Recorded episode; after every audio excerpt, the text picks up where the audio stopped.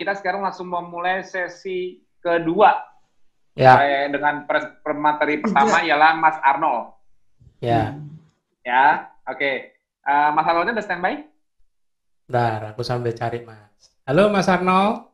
Eh, namanya siapa ya? Sukra. Kah? Ah, Sukra iya. Sukra Arnaldi Ahda. ada. Halo Mas Arnold. Halo Mas Arnold. Halo Mas Tio, Mas Budi hadir. Halo, sorry. Jelas kita- suaranya? Jelas. Jelas. Sorry kita kita pada, Ya. pada rame di bazar nih. Ya. Oh, Biasalah nggak kalau, apa-apa. kalau di la- kalau di lapangan juga kayak gitu. Or- Sebelum udah mulai MC-nya teriak-teriak dulu, ayo masuk masuk udah mau mulai nih. Masih pada di bazar, Mas. Kayak Nih. soalnya kayak di lapangan beneran. Iya. Resiko nih Mas. Udah udah hilang konsen saya lihat nih menu-menu ya. kan dulu kan mau bahas metabolisme puasa untuk awam harus konsen harus tetap berpuasa Eh, betul. Ada gangguan tadi nih, bikin ngiler. Ada gangguan tadi.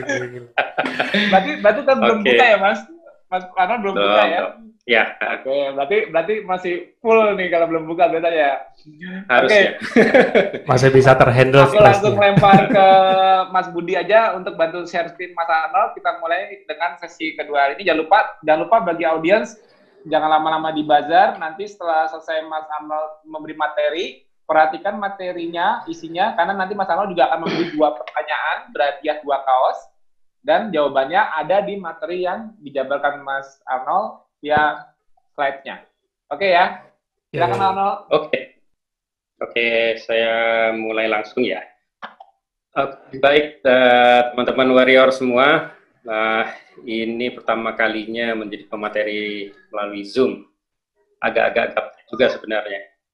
Eh, baik, langsung aja. Kita di KF ini kan biasanya sering baca komen-komen senior ya. Oh, KF ini fokusnya pada puasa, bukan diet, gitu ya. Ini lifestyle. Tapi apa sih sebenarnya puasa itu? Apa sih yang terjadi di dalam tubuh ketika kita puasa? Nah, ini yang mau kita coba telaah satu persatu. Tapi jangan khawatir, eh, saya usahakan tetap pakai bahasa yang ya mudah-mudahan bisa difahami ya. Oke, eh, lanjut. Nah, sebelumnya eh, kita bagi dulu. Ada yang namanya fat state, ada yang namanya fasted, fasted state. Apa sih bedanya? Gampangnya gini aja. Kalau kita makan, makanan itu diproses di dalam pencernaan, kemudian menjadi energi untuk metabolisme kita, untuk otak, jantung, eh, dan organ-organ yang lain termasuk juga untuk olahraga. Nah, itu bisa kita eh, mudahkan dengan sebutan fat ya. Energinya dari makanan. Oke. Kalau kita berlebih makannya dan kemudian tidak dipakai untuk olahraga atau untuk ya misalnya lebih banyak eh, berdiam diri aja atau sedentari, pasti akan disimpan kelebihan energinya pasti akan disimpan di mana? Di dalam bentuk glikogen, glikogen di liver, glikogen di otot. Bedanya, glikogen di otot itu hanya bisa digunakan untuk otot itu sendiri. Dia tidak bisa dirilis ke dalam darah.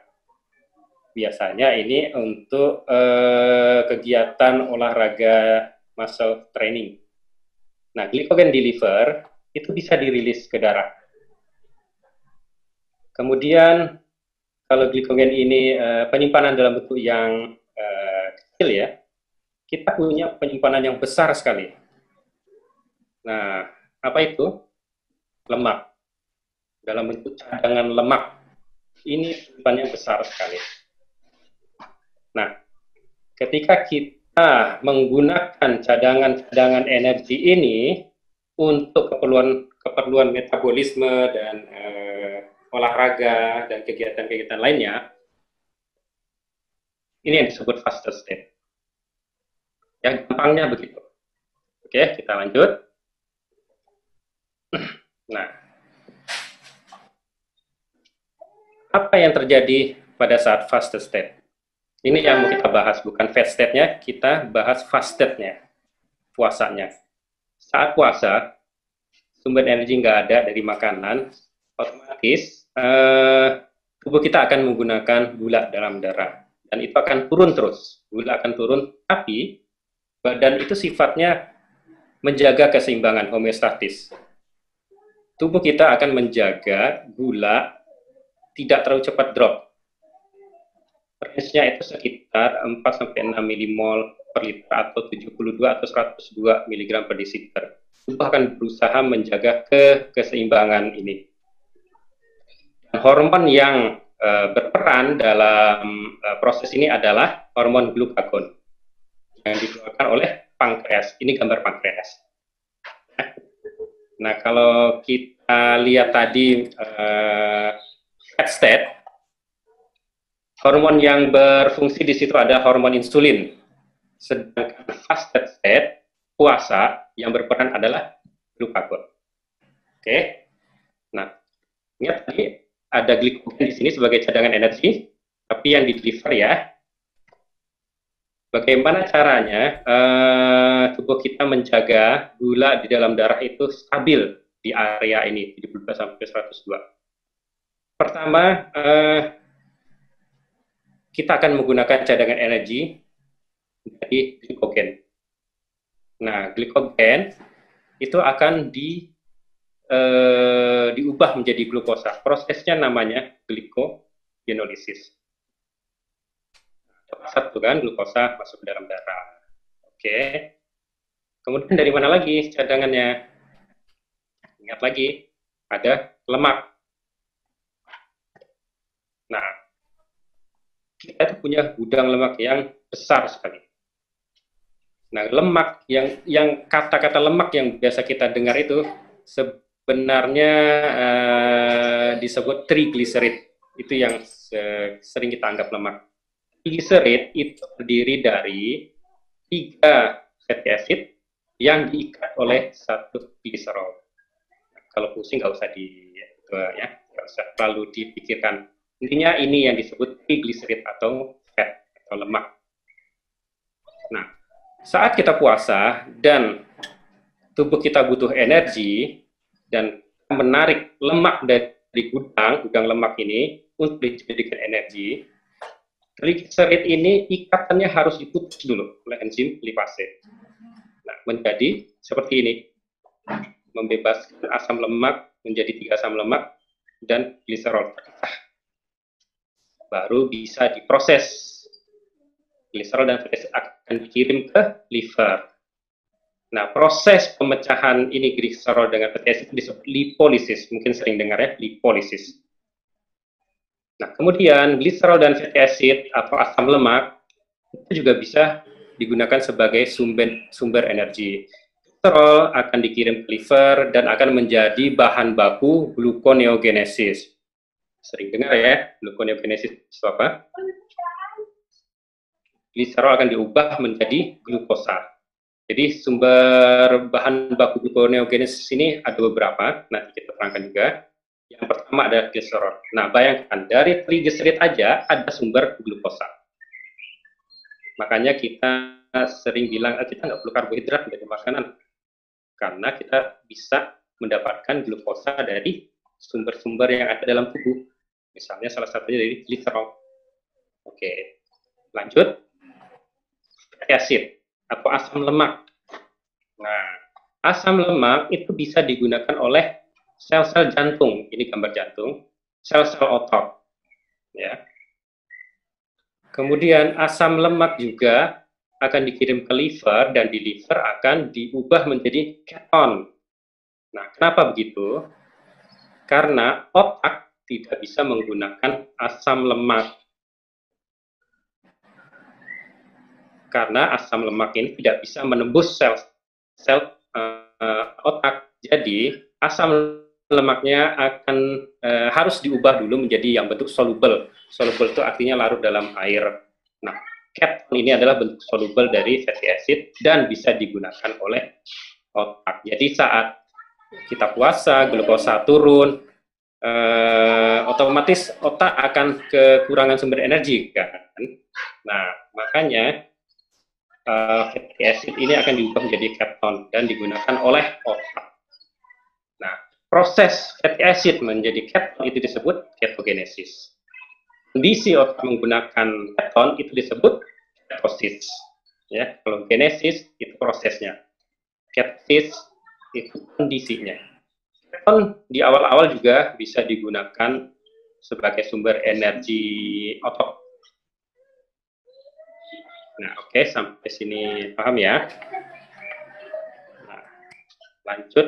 Nah, ini akan jadi center pembahasan kita. Ini apa? Ini adalah uh, sel. Ya, ini penampang sel. Di dalam sel ini banyak sekali organel-organel atau organ sel. Ada inti sel, ada organ, Salah satunya adalah mitokondria, ini lisosom, ya. Yang dua organ sel ini akan kita bahas. Nah, gambar di sebelah kanan ini adalah penyederhanaan yang eh, bulatan besar ini adalah kita anggap sel. Ya. Kemudian yang kecil ini mitokondria. Ini akan jadi center eh, pembahasan metabolisme kita. Nah, sitoplasma itu yang mana? Yang ini. Jadi ruang kosong di antara organ-organ sel ini disebut sitoplasma.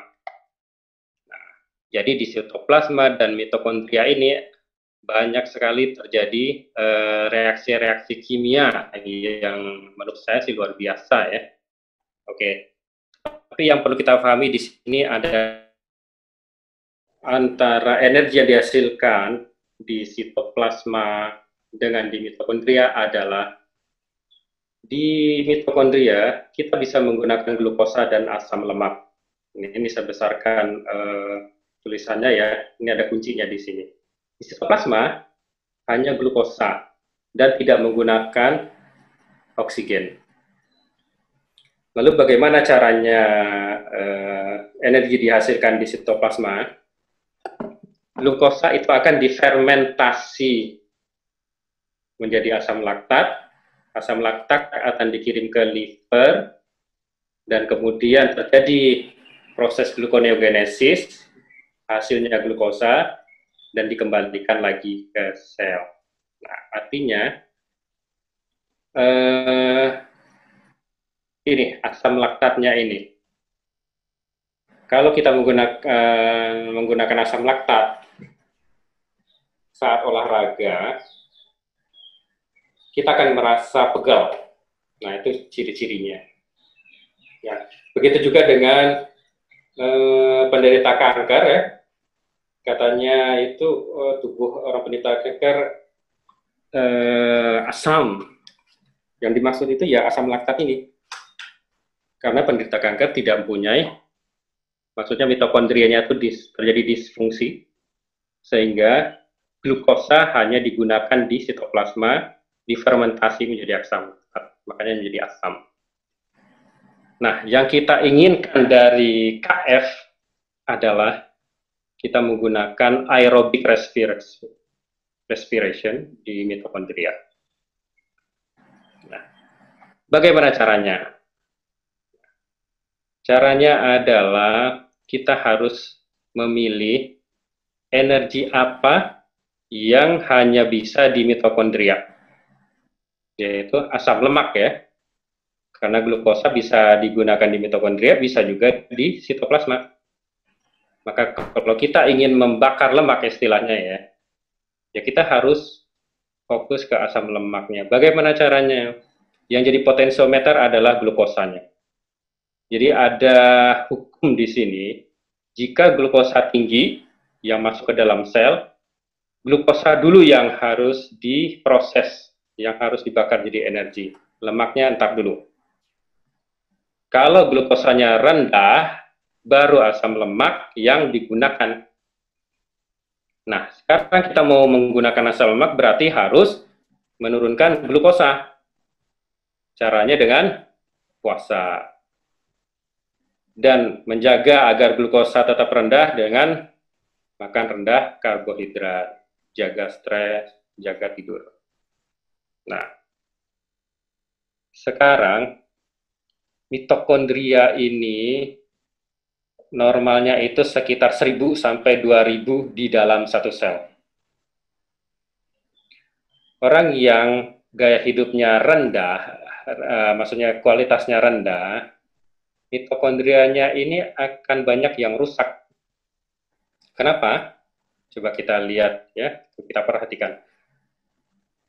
Gaya hidup orang modern yang banyak makan, jarang bergerak, itu akan menyebabkan suplai energi ke dalam sel ini berlimpah, tapi tidak digunakan.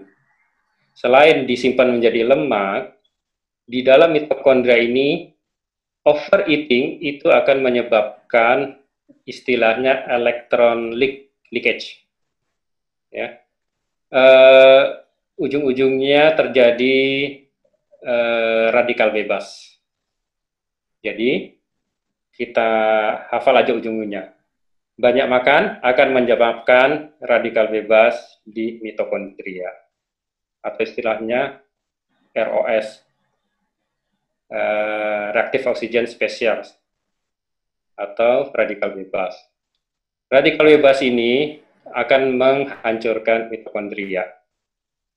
Jadi mitokondria kita yang mungkin asalnya dua ribuan di dalam sel itu bisa berkurang makanya akan terjadi eh, penyakit-penyakit metabolis. Nah, kuncinya ini di sini. Dengan puasa, energi itu akan banyak dari asam lemak. Nah, sekarang bagaimana caranya mitokondria itu diperbanyak kembali? Supaya apa? Supaya kita banyak energinya. Jadi ibarat uh, eh, PLN ya, penyuplai energi, bagaimana caranya PLN ini banyak supaya energi kita melimpah. Kalau PLN-nya dikit, energi kita tentu sedikit, walaupun sumber energinya banyak. Dari mana sumber energinya? Dari gudang lemak. Misalnya orang obesitas, sumber energinya kan banyak ya. Gudang energinya tuh banyak. Tapi kok lemes? Nah, karena power plant-nya itu banyak yang rusak. Ini sumber energi banyak tidak bisa digunakan jadi energi. Nah, sekarang bagaimana caranya memperbanyak mitokondria ini? e, logikanya sama dengan PLN tadi. Begitu di suatu daerah demand-nya tinggi, maka PLN akan di bangun. Nah, begitu juga di dalam sel, supaya mitokondria menjadi banyak, tentu kita harus create demand. Bagaimana caranya? Olahraga. Ya, atau minimal banyak bergerak, jangan sampai sedentari. Nah, ini poin dua dari eh, lima pilar KF ya, olahraga. Fungsinya di sini untuk create demand supaya mitokondria kita banyak supaya tubuh itu memerintahkan si sel ini memperbanyak mitokondria. Oke, sampai sini paham ya fungsinya mitokondria ini. Nah, makin banyak mitokondria, makin banyak asam lemak yang bisa diproses menjadi energi, kita akan merasa berenergi. Makanya yang sudah melewati fase adaptasi itu pasti akan seperti merasakan energi itu nggak ada pernah hilang ya. Itu karena mitokondrianya sudah mulai banyak. Nah, mudah-mudahan sampai sini uh, difahami ya. Oke, kita lanjut. Nah, ini tadi. Ini kesimpulannya saja demand dengan olahraga atau aktivitas tinggi dan dilakukan konsisten. Kenapa konsisten?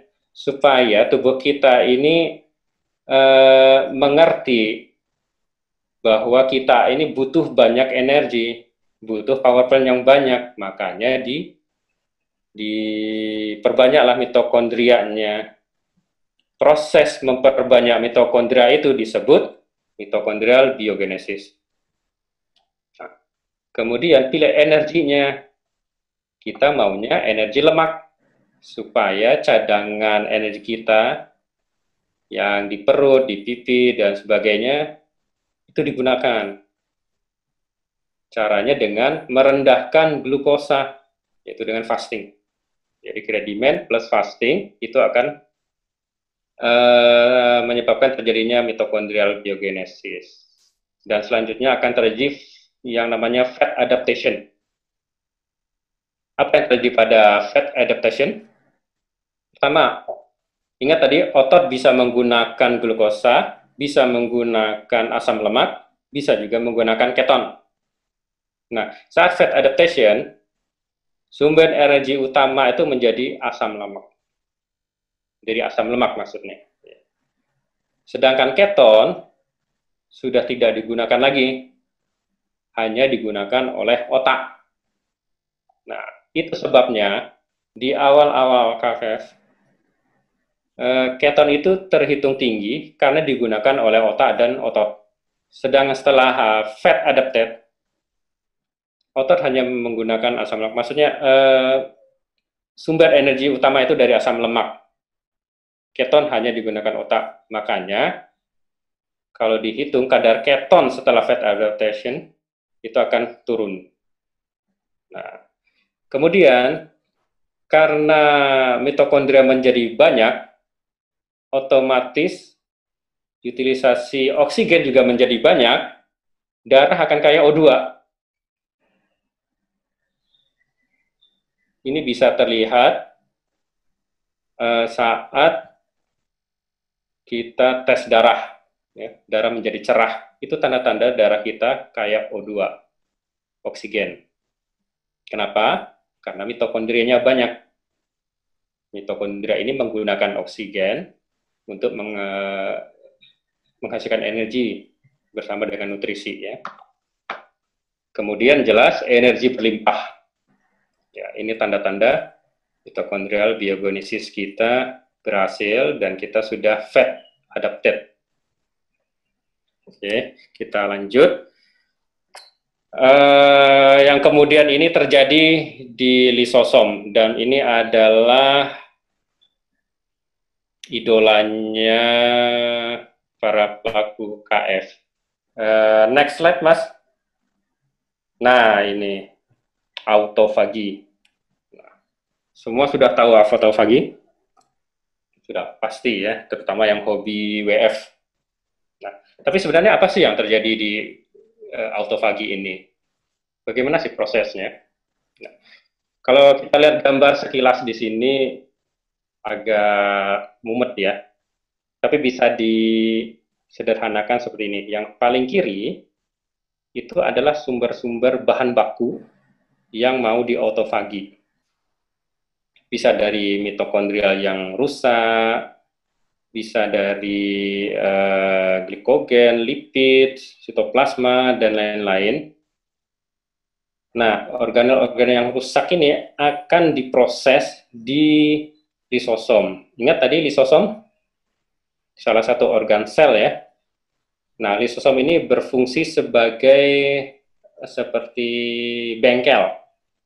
Ibarat mobil yang rusak, kan beberapa on the deal-nya masih oke okay ya.